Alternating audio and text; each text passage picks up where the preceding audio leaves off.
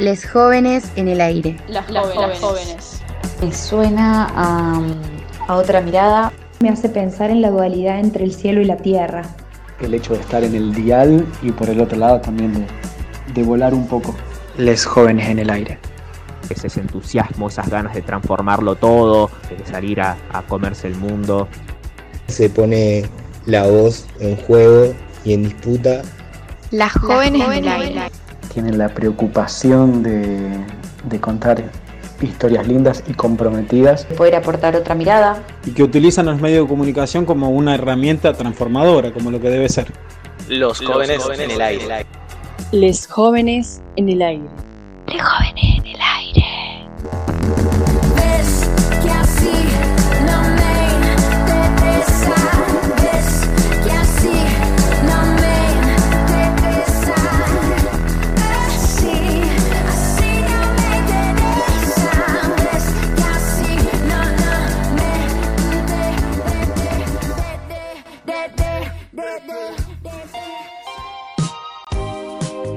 Hola a todos, mi nombre es Rocío Criado. Mi nombre es Fernando Duclos, o más conocido como Periodistán. Mi nombre es Maxi Chapesoni, periodista del semanario El Megáfono. Soy periodista, estoy todas las mañanas de 9 a 12 en el programa Crónica Anunciada por Radio Futurock. Hice un viaje largo por la Ruta de la Seda en 2019 y 2020 y bueno, el objetivo de mi página y un poco por lo que alcancé una buena repercusión es justamente tratar de mostrar a partir de este viaje cómo son otros mundos. También soy delegado de nuestro medio en el Círculo Sindical de la Prensa, el gremio que nuclea a todos los trabajadores de, de la comunicación de la provincia de Córdoba y conformo la Comisión de Juventud del CISPREN hace dos años desde que se inició. Hola, mi nombre es Julio Pereira. Mi nombre es Facundo Iglesia. Soy Lupe Fernández. Mi nombre es Gerardo Santos Cardosa. Soy Nicolás Castelli y soy editor general de Notas Periodismo Popular. Soy fotógrafo de La Garganta Poderosa, vecino del barrio Yapeyú de Córdoba Capital. Soy periodista y productora de contenidos audiovisuales para multimedia. Actualmente me encuentro dentro de la producción periodística del programa Vení Mañana que se emite por Telefe Córdoba y soy parte de la cooperativa de trabajo y medio autogestionado El Resaltador que es una multiplataforma de información. Soy periodista y formo parte del colectivo Deriva. Es un colectivo formado por periodistas, fotógrafas, documentalistas, comunicadoras, profesoras, antropólogas que impulsamos de forma independiente y horizontal y autogestionada una revista digital llamada revistaderiva.com soy coordinador de contenidos de la revista La Luciérnaga y también escribo notas como periodista freelance para otros medios. Autogestión.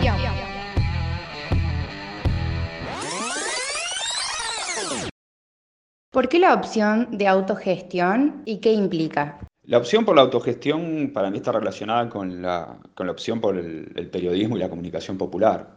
En nuestro caso, esta opción de autogestión fue básicamente la única a la que nos pudimos agarrar. Muchos de nosotros cuando acabamos eh, la carrera de periodismo eh, era un momento de crisis en el cual eh, no había ningún tipo de horizonte laboral para los estudiantes que acabábamos la, la carrera y que no teníamos ningún contacto en ningún medio de comunicación que nos enchufase, como decimos coloquialmente. Por mi recorrido laboral dentro de los medios de Córdoba, la autogestión se da como un paso natural y fluido en mí. Siempre trabajé en equipo y me parece la forma más fructífera para el análisis de la información. Nosotros entendemos de alguna manera que, que los medios populares, autogestivos y alternativos son, son parte de la economía popular. Nosotros generamos nuestros propios medios, de la misma manera que la economía popular genera nuestro, su propio trabajo. Lo que, lo que mucha gente eh, se decidió por hacer es eh, crear nuevos medios de comunicación autogestionados, horizontales, transversales, que no dependiesen solamente de la publicidad y que si dependían de publicidad que no fuese de publicidad eh, pagada por empresas con mucho poder. Nos organizamos de forma cooperativa, autogestionamos todo, lo, todo nuestro trabajo, nuestros medios, nuestro financiamiento.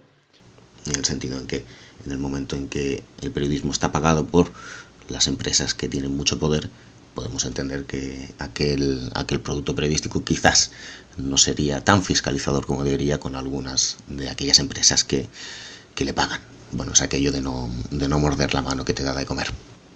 Creo que la información es un derecho y en la multiplicidad de miradas podemos encontrar nuevos enfoques. Ahí está lo rico del trabajo comunitario.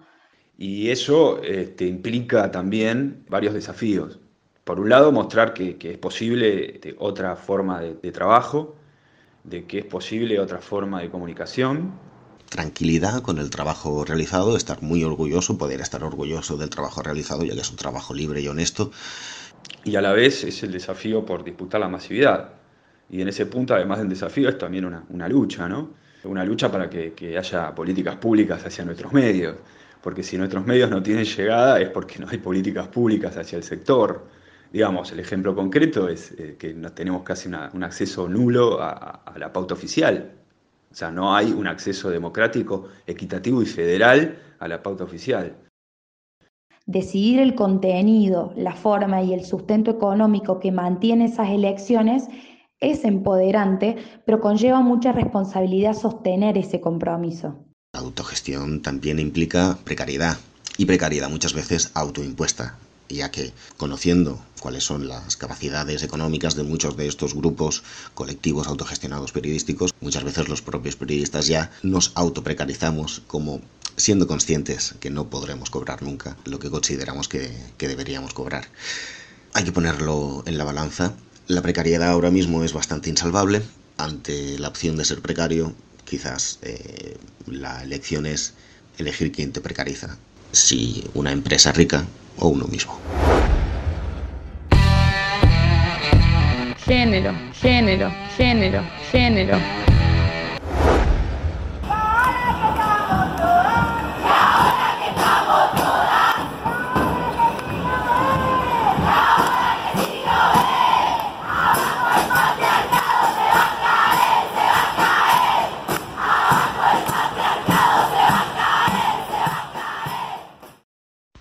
Pensando en el crecimiento de la lucha feminista en Argentina y en Latinoamérica, ¿qué planteos traen las pibas y disidencias a los medios?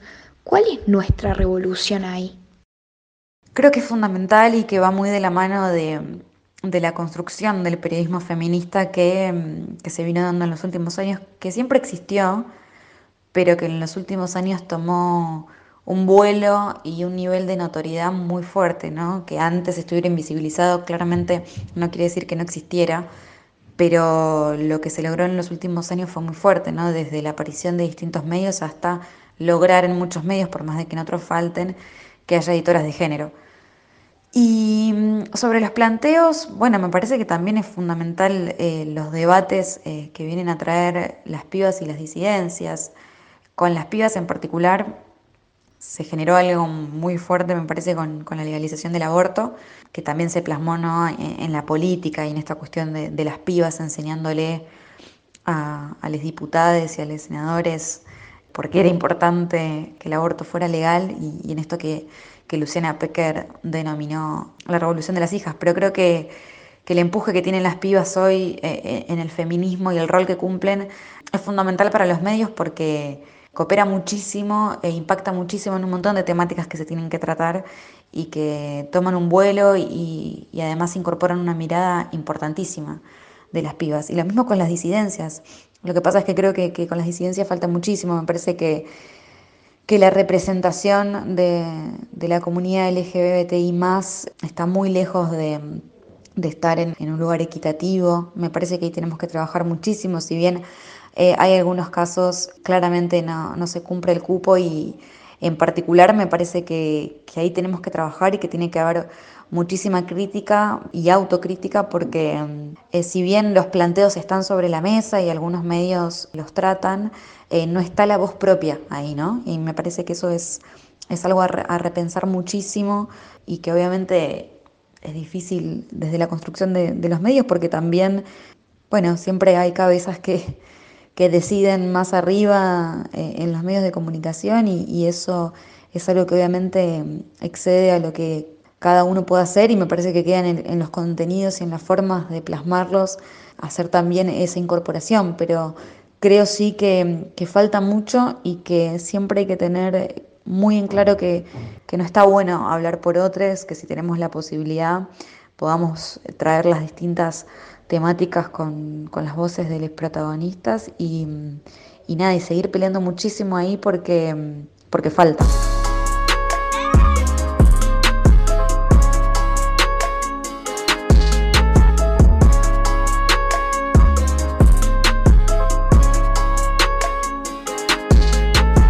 Tanto La Garganta como Futurock o Notas Argentinas son conocidas por su discurso contrahegemónico.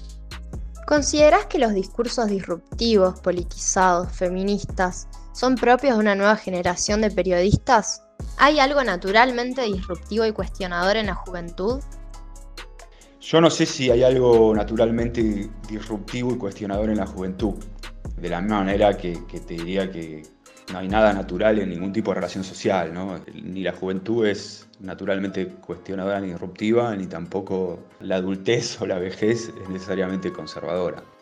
Creo que son distintas cosas que se van acoplando. Me parece que, que desde un periodismo más eh, joven, sin lugar a dudas, se, se pueden generar nuevas formas de, de, debatir y de traer distintas temáticas. Eh, un poco lo que hablábamos antes con, con lo que pasa con el feminismo y las pibas, también pasa con un montón de otros temas que me parece que, la juventud viene a, poner en un lugar muy, muy importante y, de lucha y de claridad que siempre existieron, pero, em, pero tal vez no se discutían, como puede ser eh, el feminismo, como puede ser también el medio ambiente, por ejemplo. Y las cuestiones relacionadas con el cambio climático, me parece que son debates bien de esta época y bien propios que se ponen en la agenda y que, el periodismo joven tiene y, y debe hacer, digamos nuestra forma de mirar el mundo, nuestra forma de hacer política y nuestra forma de gritar desde un lugar contrahegemónico, con una perspectiva de género y una mirada, una identidad plurinacional, tiene que ver con la historia propia de los barrios. La Poderosa antes de ser un movimiento social era una moto en la cual el Che Guevara junto con Alberto Granados hace tantos años recorrieron muchos de los países y muchas de las barriadas populares que tenían las mismas problemáticas que hoy siguen teniendo. Muchos de esos barrios populares y muchos de los barrios populares donde hay una asamblea hoy de la poderosa o de cualquier otro movimiento. Yo creo que el discurso politizado o disruptivo existió siempre en el periodismo. El tema es que eso se escondía detrás de la fachada del mito de la independencia periodística como ACTN, Periodismo Independiente. Creo que una de las características de esta época y de, si querés, de las nuevas generaciones periodísticas tiene que ver con desmontar ese mito.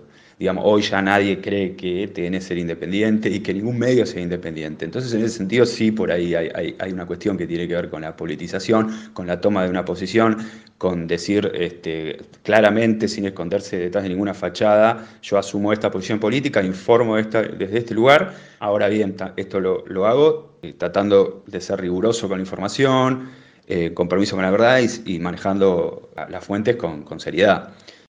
Lo disruptivo creo que está tal vez ahí, en que es posible un periodismo comprometido sin perder rigurosidad informativa. Pero también creo que es fundamental eh, el medio donde uno trabaje y, la construcción que se pueda hacer ahí. Eh, la verdad que un medio de comunicación es un montón de cosas y atrás de un medio hay muchas cosas para que ese medio se, sostenga y obviamente eso va a influir en, la forma que ese medio se desarrolle o en los temas que termine tocando. Em, a veces eso se plasma de una manera, em, en mi criterio, muy negativa porque puede encerrar eh, una mirada eh, política extrema o, ubicada en un lugar por intereses económicos barra políticos, pero en otros casos simplemente por la propia estructura de los medios que a veces te hace tener que tocar eh, determinados temas porque de esa forma fueran pensados. Creo que en el caso de Futurock se genera algo distinto por su, por su propia forma de pensarse. Digamos, desde, desde que nació Futurock se, pensó con una libertad absoluta. Digo, cada programa tiene su formato, sus temas y, sus formas de tratarlo y, y, jamás va a haber una bajada de línea con respecto a eso. Entonces creo que, que ese discurso más disruptivo eh, sí se relaciona muchísimo con, la forma de, verse, ¿no? Cómo se piensa ese medio a sí mismo y ese es un medio donde, donde hay periodistas de distintas edades que tratan distintas temáticas y que la verdad que si vos escuchas todo el día por Futurock pasan por, muchísimas temáticas y, un montón de temas, desde los que están en los grandes medios hasta los que no. Entonces creo que ahí eh, también se logró algo desde un medio articulado de forma más eh, cooperativo o pensado desde esta cuestión de, la suscripción, donde eh, me parece que, hay más libertad y que permite tratar y ampliar una agenda diferente. Obviamente también es el, espíritu que tiene la radio y que desde un principio em, siempre se, pensó a sí misma como una radio, por ejemplo, feminista. Em, y eso me parece que es fundamental, ¿no? Poder poner las cosas en, su lugar y poder nombrarse de la manera eh, adecuada. Eh, obviamente eh, es fundamental el, periodismo joven porque me parece que aporta otra mirada, pero si vos no tenés un escenario adecuado para desarrollarte, tal vez tengas un montón de, palos en el camino para poder realmente tratar lo, que te interesa. Entonces, es un conjunto de cosas. Y creemos que, los debates necesarios que debe darse ese periodismo joven es de dónde construye, ¿no? A dónde tiene, a dónde está parado, cuál es su horizonte, cómo va a discutir políticamente o cómo va a construir periodísticamente para sentirse cada vez más cerca de las 30.000 y los 30.000 compañeros que dejaron la vida en la peor dictadura de la Argentina y que de ahí también tenemos un legado importante y fundamental, como así también lo dejaron los compañeros y, y las compañeras que dejaron la vida en la crisis del 2001, compañeros como Maximiliano Costecchi, Darío Santillán y también todo lo que nos dejó Rodolfo Walsh y tantos otros compañeros que construyeron comunicación y periodismo en momentos en los que hacer comunicación y periodismo ponía en juego la vida, como fue eh, Rodolfo Walsh. Entonces creemos que desde ese lugar todos los debates que se vaya a dar este periodismo joven tienen que ser con las villas incluidas, pensando desde el territorio cómo se van a transformar todas las opresiones que desde esos lugares sentimos.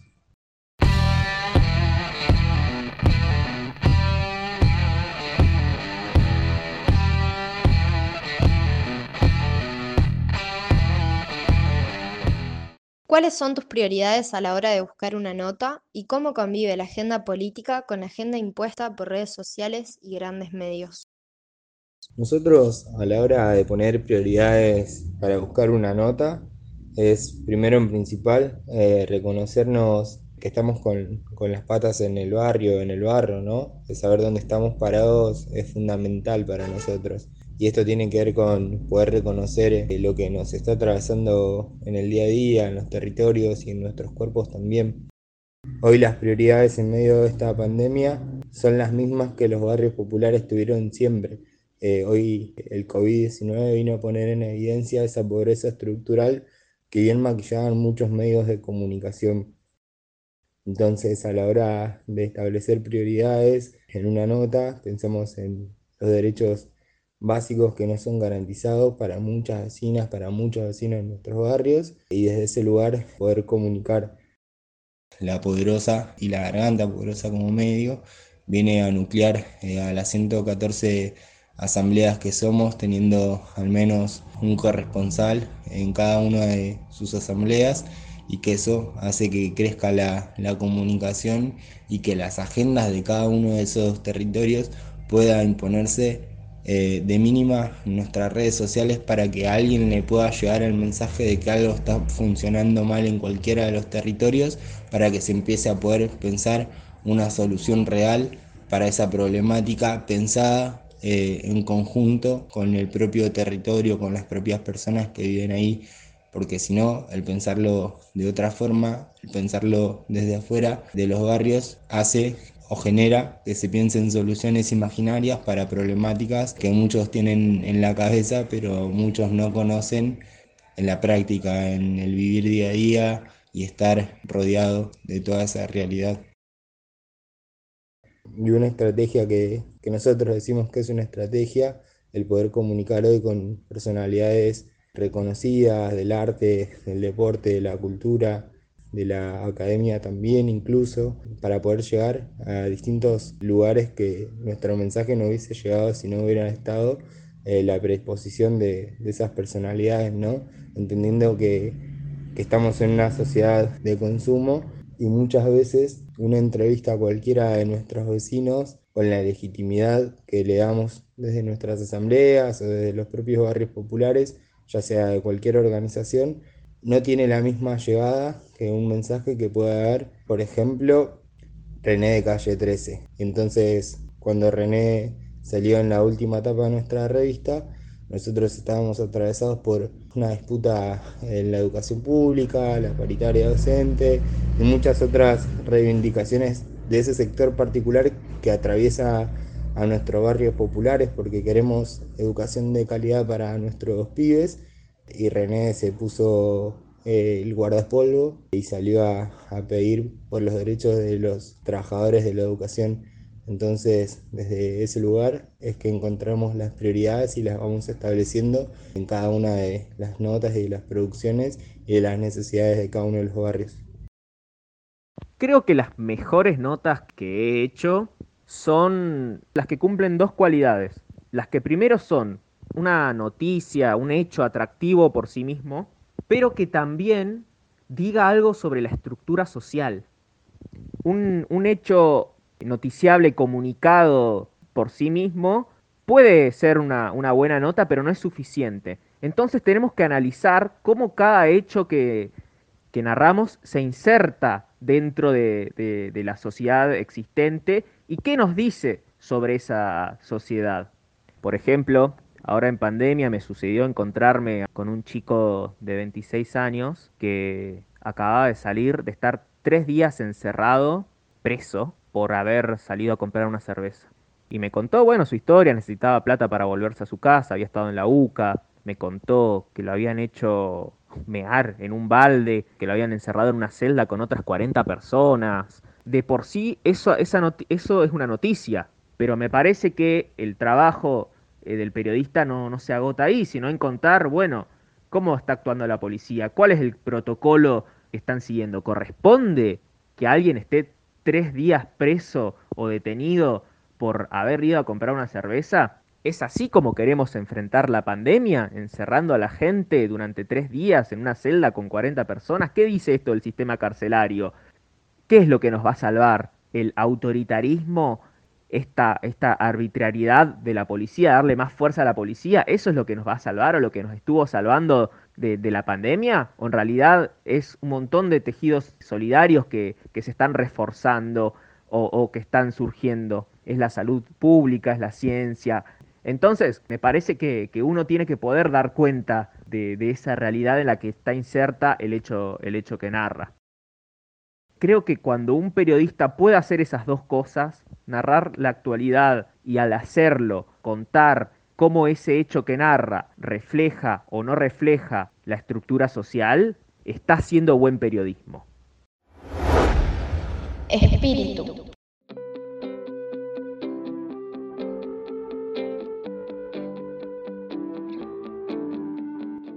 ¿Cómo crees que influye el espíritu aventurero y curioso en tu desempeño como comunicador? ¿Qué fue lo primero, la curiosidad o las ganas de comunicar? cómo creo que influye mi espíritu aventurero y curioso en mi desempeño como comunicador. Creo que es todo. O sea, siempre digo que, si bien la academia es muy importante eh, y la teoría también, para ser un, buen periodista o un buen comunicador, eh, lo más importante es ser curioso, tener curiosidad a las cosas, preguntarse por qué suceden, hacer preguntas tontas, no importa, preferible no saber y aprender a creer que uno sabe todo cuando en realidad no sabe nada. Muchas veces en las preguntas más tontas al final se terminan escondiendo u ocultando las, las respuestas más interesantes o las historias más lindas. Y sobre qué fue primero, si la curiosidad o las ganas de comunicar. Bueno, a ver, en, mi caso particular creo que la curiosidad era algo innato. Desde chiquito ya quería saber todo, eh, preguntaba todo, todo me interesaba en algún punto. Y bueno, y después se fue desarrollando tal vez esta beta de contarle a otras personas historias que a mí me interesaban. Es algo que vengo haciendo desde que tengo 5 años, a veces medio insoportable. Y bueno, solamente ahora, después de como 30 años de hacerlo, logré que, que esto se convierta casi que en un trabajo, ¿no?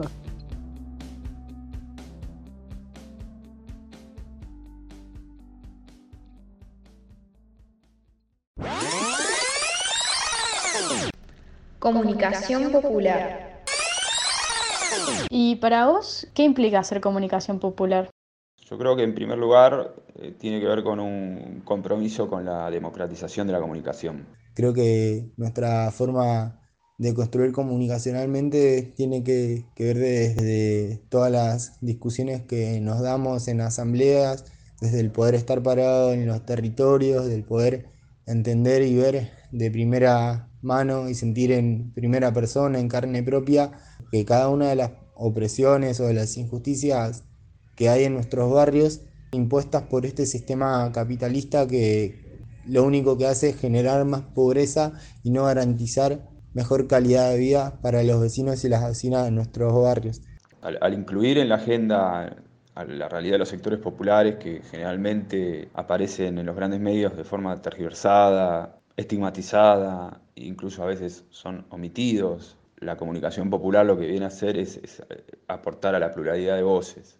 Sabemos que mientras haya mayor pluralidad, mayor será la garantía de derechos, entendiendo a la comunicación como un derecho básico y necesario.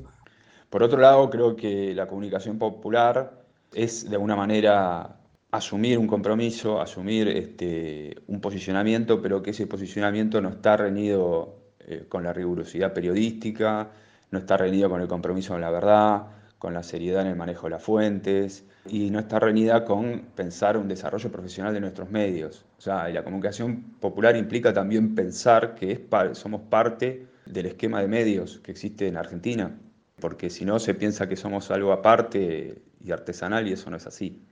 La porosa viene a ser un complemento, la garganta porosa viene a ser un complemento a, a tantos movimientos sociales, medios de comunicación, comunitarios, autogestivos que, que hoy dan esa batalla cultural por la transformación real de nuestras vidas. De alguna manera también implica eh, cómo el periodismo en general y la comunicación en general, en este contexto que vivimos, una, responsabilidad histórica. Digamos, en el rol que hoy cumplen las grandes empresas periodísticas dentro de estrategias de desestabilización de gobiernos populares, donde cumplen un, una clara tarea de, frenar cualquier avance popular, que eso implica a la vez este, una deslegitimación y un bastardeo hacia la profesión. Creemos que la comunicación popular, además de democratizar, implica también este, volver a recuperar eh, las mejores tradiciones del periodismo argentino y latinoamericano. Hoy tiene que, en este contexto donde la pandemia nos atraviesa y estamos con muchas necesidades adentro de los barrios, poder contribuir a una construcción de un mundo mejor de una realidad mucho mejor, de una calidad de vida mucho mejor, que no tiene que ver con consumir más, sino que tiene que ver con poder garantizar que cada derecho sea eh, cumplido para cada uno de nuestros vecinos y de vecinas. Les jóvenes en el aire. Los jóvenes, los jóvenes, los jóvenes en el aire. Los jóvenes en el aire.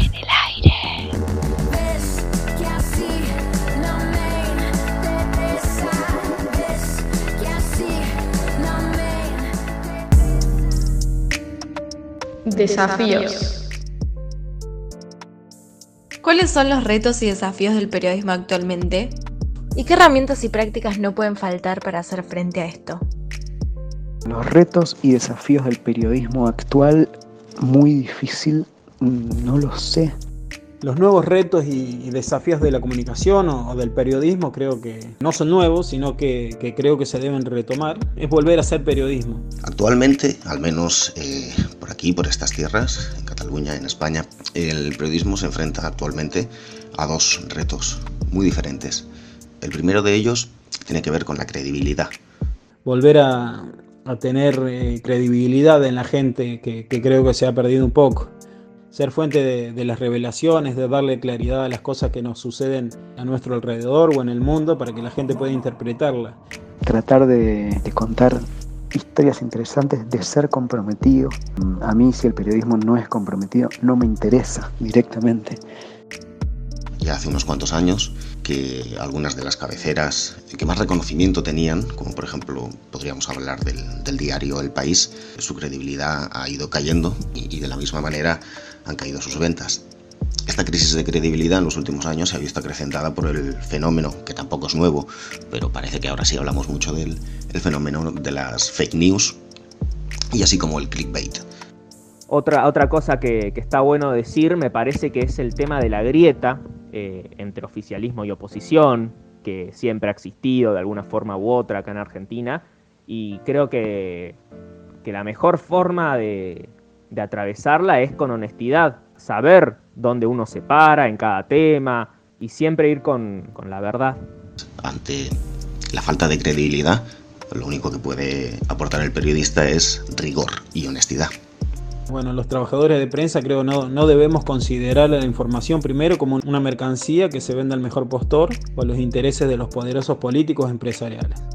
Creo, no estoy seguro que Rodolfo Walsh decía que él hacía periodismo para tratar de cambiar un poquito el mundo para bien. Ese debería ser el objetivo de toda actividad, no solo el periodismo. Eh, no estoy seguro tampoco si la frase la dijo él, pero podría haberla dicho tranquilamente por lo que fue su, su prédica y su trayectoria. Tenemos que considerar tener el valor de la información como un derecho humano y exigir que se garantice a todos, a todos el acceso a la misma. El segundo de los retos que enfrenta ahora mismo el, periodismo, bueno, pues es un desafío en cuanto al modelo de negocio, en cuanto al, al rédito económico que da el periodismo y por consecuencia el reto de la, de la precariedad en la que se encuentran pues la gran mayoría de los, de los periodistas, insisto, al menos eh, en este país, en España. Si uno está en un medio en relación de dependencia, lo más probable es que su primera urgencia sea la precarización laboral. Muchos eh, dueños de, las empresas de medios ven en los jóvenes como alguien eh, presto a, a, ser explotado, a pagarle, a pagarle menos de lo que corresponde, a que haga horas extras sin que se le paguen, en fin. Creo que la primera urgencia de muchos periodistas es esa. Delante de ese problema de precariedad, lo único que cabría hacer por parte de los y las periodistas, sin duda sería la sindicación, el unirse y mediante la fuerza del colectivo y del conjunto denunciar esta situación de máxima precariedad en la que se encuentran los periodistas hoy en día. Quizá acudir al sindicato, al, al CISPREN, en, el caso de Córdoba, y poder organizarse contra, contra la precarización, contra el ajuste que, están sufriendo muchos medios de comunicación privados. Para luchar por los derechos de todos los trabajadores, nosotros como trabajadores, y también por los derechos de la comunicación y el acceso a la información. Ahora, si uno es parte de una experiencia mediática autogestiva, cooperativa, alternativa, quizá los desafíos y las urgencias que tenga sean cómo comunicar de la forma más atractiva posible. Hay un montón de herramientas que ya no son nuevas, que están a nuestro alcance, con los que podemos llegar a un montón de, personas y creo que eso es muy importante de aprender a usarlo. Y también es importante, eh, cuando uno se para desde un lugar alternativo, tener agenda propia, tener algo que decir distinto que no está diciendo nadie, es, es muy importante. Pero también es importante, y a veces los medios sufrimos un poco de esto, no correr detrás de la agenda que nos quieren imponer los, los grandes medios. Voy a hacer un asterisco, voy a hacer un matiz, voy a citar a, a, Horacio Berbisky, Horacio tiene una frase como que si el tema no sale en Clarín, el tema no existe. Pero ahora, si el tema no, no lo sacás vos, que sos un medio alternativo, el que no existe sos vos. Entonces también es importante tener una visión propia sobre los grandes temas, eh, sobre, sobre esa agenda que, que imponen los grandes medios. Tener algo que comunicarle a la sociedad sobre, sobre los temas que, que, ya está discutiendo esa sociedad. No solamente proponerle cosas nuevas para discutir, sino también proponerle una visión alternativa de lo que ya está discutiendo.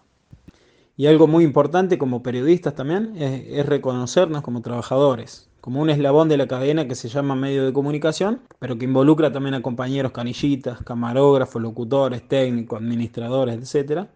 Y partes también de- del conjunto de la sociedad con las mismas inquietudes y problemas y necesidades. Sin todos ellos juntos, nada, nada podríamos hacer solos. En fin, yo creo que, que el periodismo cuando se hace con buena fe y con ética y tratando de ser empático con, con las historias, yo lo valoro, lo valoro mucho y creo que, que en algún punto sirve para mejorar un poquito donde vivimos y obviamente profundizar siempre en eso. Los desafíos eh, que se imponen a los medios de comunicación se pueden resumir con una frase del teórico marxista venezolano Ludovico Silva, que él siempre decía que la verdad como la belleza siempre son revolucionarias. Entonces es eso, es buscar una forma bella de comunicar la verdad.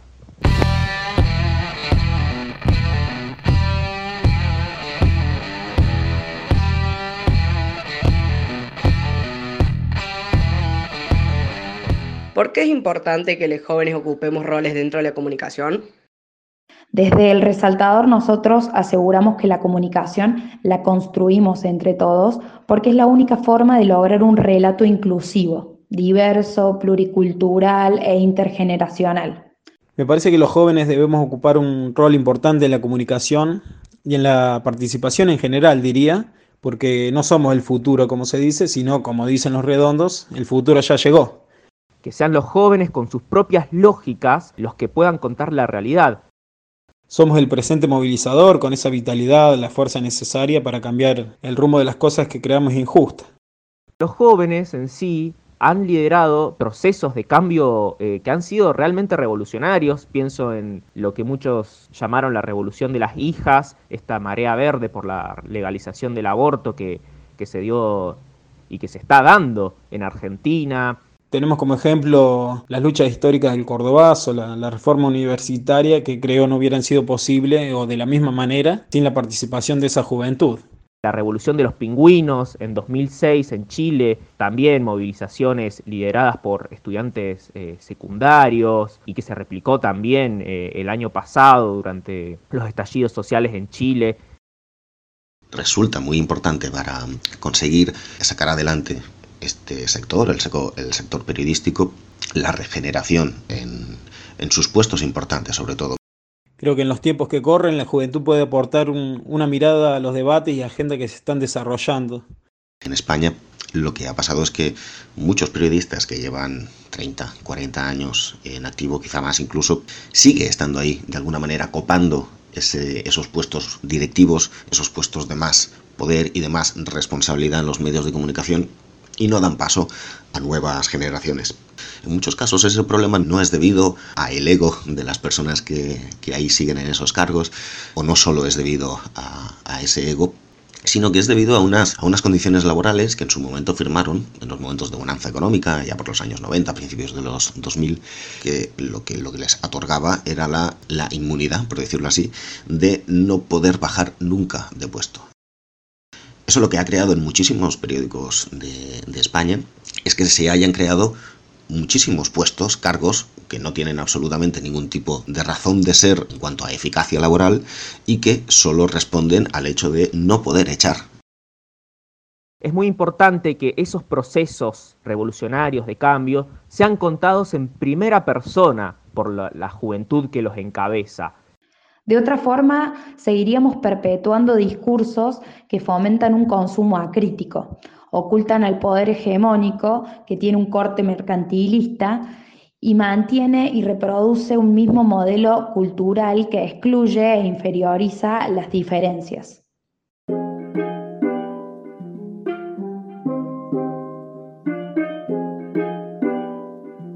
Te digo que hay un grupo de jóvenes haciendo comunicación que se llama Les Jóvenes en el Aire, ¿a qué te suena? Si escucho Les Jóvenes en el Aire, ¿a qué me suena? Me suena a... A un grupo de jóvenes, como bien, como bien indica su nombre. Haciendo periodismo, haciendo comunicación, con perspectiva de género, con uso de lenguaje inclusivo.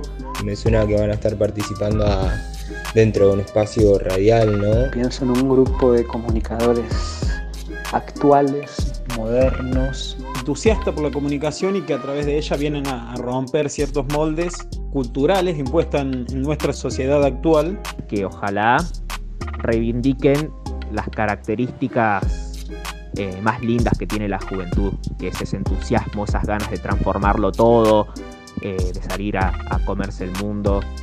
Es muy necesario poder disputar también la, la, palabra, los significados, las construcciones de sentido. Que tienen la preocupación de, de contar historias lindas y comprometidas. En general estamos acostumbrados a, a ver y sobre todo en los grandes medios a, a, las mismas personas, a personas de mucho tiempo, también en su mayoría a hombres. Les jóvenes en el aire me hace pensar en la dualidad entre el cielo y la tierra. Pienso en esto del aire, ¿no? Por un lado el hecho de estar en el dial y por el otro lado también de, de volar un poco. De alguna manera los jóvenes en el aire me lleva a pensar en el dicho, vive con la cabeza en las nubes los pies en la tierra y el corazón entre medio para mantener el equilibrio. Que además de estar en directo y además de estar emitiendo, los jóvenes de, de hoy en día también estamos un poco en el aire, como suspendidos, como a la deriva. Me lleva a un lugar de poder aportar otra mirada. Tener la cabeza en las nubes se suele asociar con estar lejos del ruido cotidiano, pero los pies en la tierra hacen pensar en estar bien plantados sobre la realidad, que a veces puede ser muy injusta.